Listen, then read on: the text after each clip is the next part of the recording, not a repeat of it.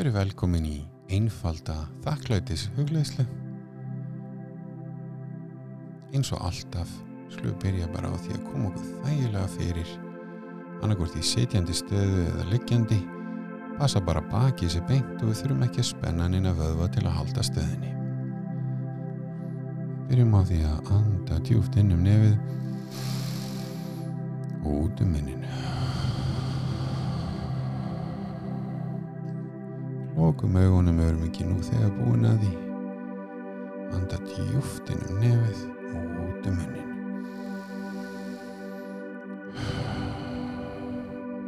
Finna hvernig við slökum betur á með hverjum andadrætti, hvernig spennan líður úr líkamannum. Förum svaðins yfir líkamannum meðan við erum hægt og rólega að anda. Við erum þakklátt fyrir allt sem við höfum. Við erum þakklátt fyrir hvern einasta líkamslöta. Við erum þakklátt fyrir það sem við höfum, sem kannski margir aðrar hafa ekki. Byrja hægt og rólega að byggja þakklæti. Hægjum enn betur á andadrættinum þetta við getum anda rólega inn og út um nefið halda rólega um andadrætti halda áfram að skoða líkamann og finna hvað verðum þakklátt fyrir augun eru lókuð öndum inn og út um nefið við skoðum líkamann okkar við getum öll verið þakklátt fyrir það sem við höfum hver sem við erum bara það eitt að geta hlusta á þessa hugleðslega mikill sem þakka fyrir að hafa heyrnina finna þakklæti í brjóstu okkar. Við finnum fyrir mismiklu þakklæti á hverjum degi.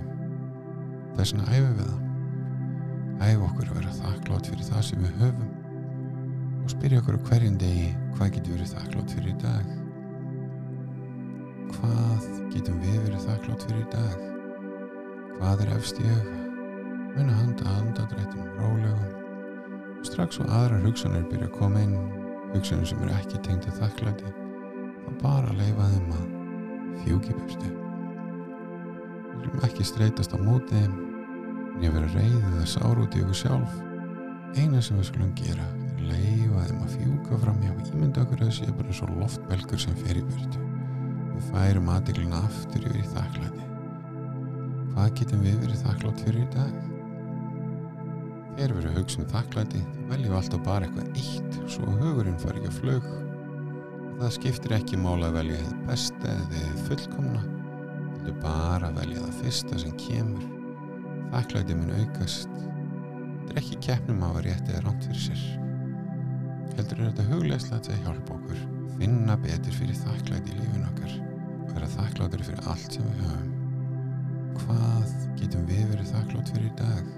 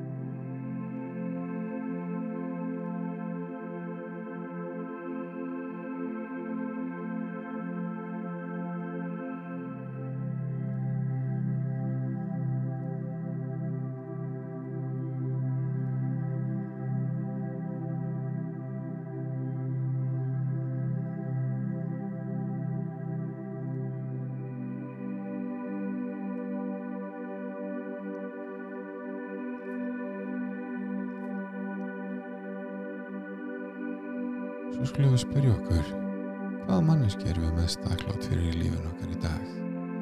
Sjáum hana fyrir okkur, sjáum hana brosa, hugsaðu um eitthvað skiptið þar sem að manneskjan gladdi þig einstaklega mikið.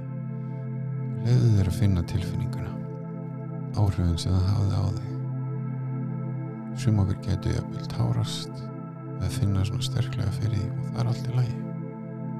Vinna bara ef að aðteklun okkar fyrir eitthvað annað, draga hana aftur í andadráttin eða þakklæti og lifa öllum öðrum hugsunum að svífa eins og bladra í burtu.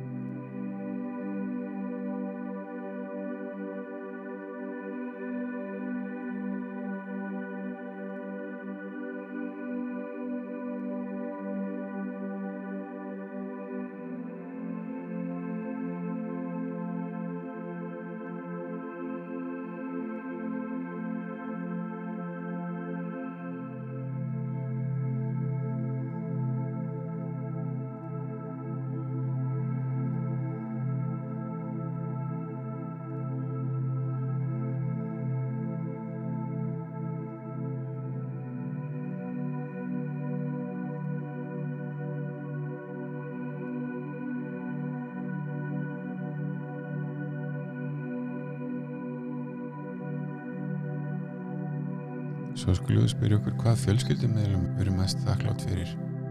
Bara fyrsta manneskjan sem okkur er dættir í, bara fyrsta manneskjan sem kemur upp. Þetta er ekki keppni, við erum ekki skilja neitt eftir út undan. Við erum æfa þakklátti. Bara að lifa öllum öðrum hugsunum að fjúka til hliðar, halda andadrættinum rólegum inn og út um nefið. Það er akkirð okkar. Og hugsa um þann fjölskyldummeðlum sem við erum mest þakklátt fyrir skulum finna vel fyrir því. Finna fyrir þakklæðinu finna hvað við erum heppin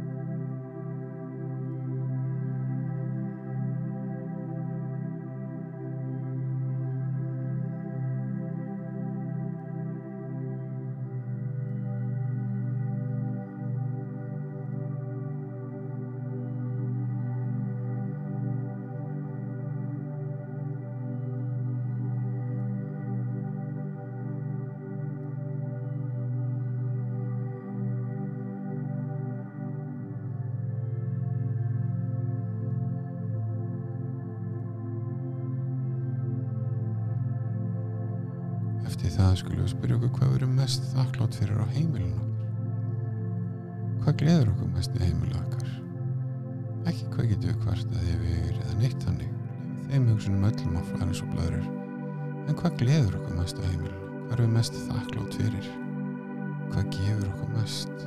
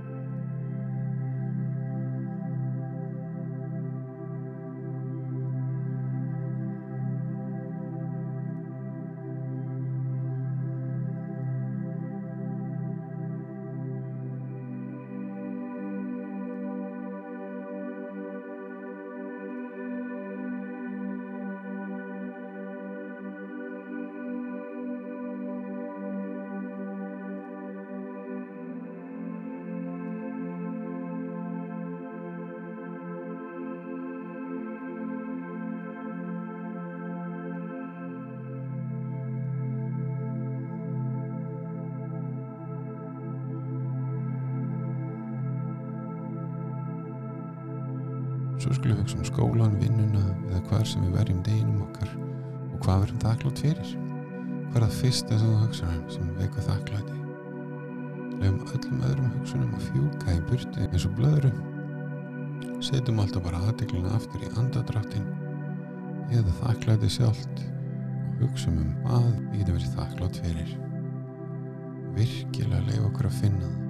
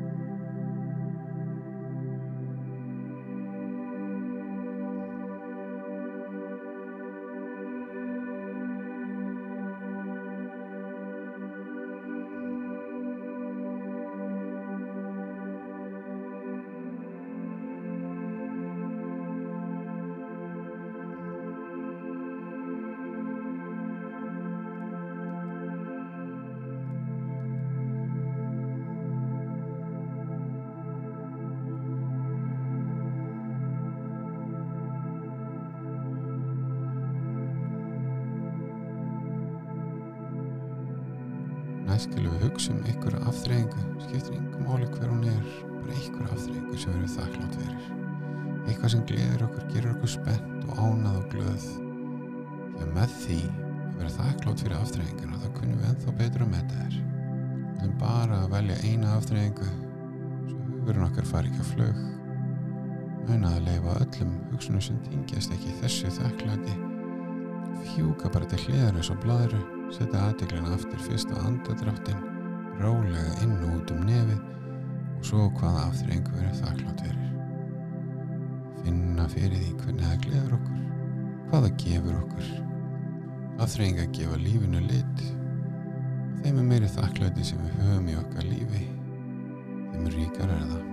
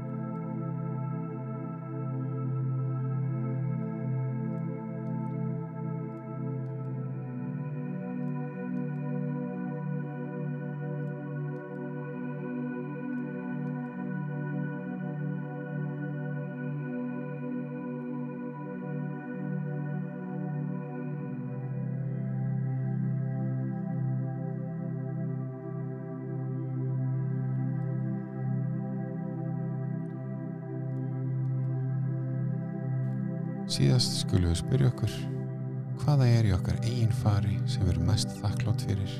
Taktu bara það fyrsta sem þetta ætti ég. Bara hvað var það fyrsta sem kom í hugaðinn. Ef að gaggrinni náðu tökunum, bara leifa þeim hugsunum að fjúka til hliðar eins og blöðrur. Leif okkur að finna þakklætið, finna fyrir tilfinningunni sem það vekur í okkur hvað erum við mest þakklátt fyrir í okkar eigin fari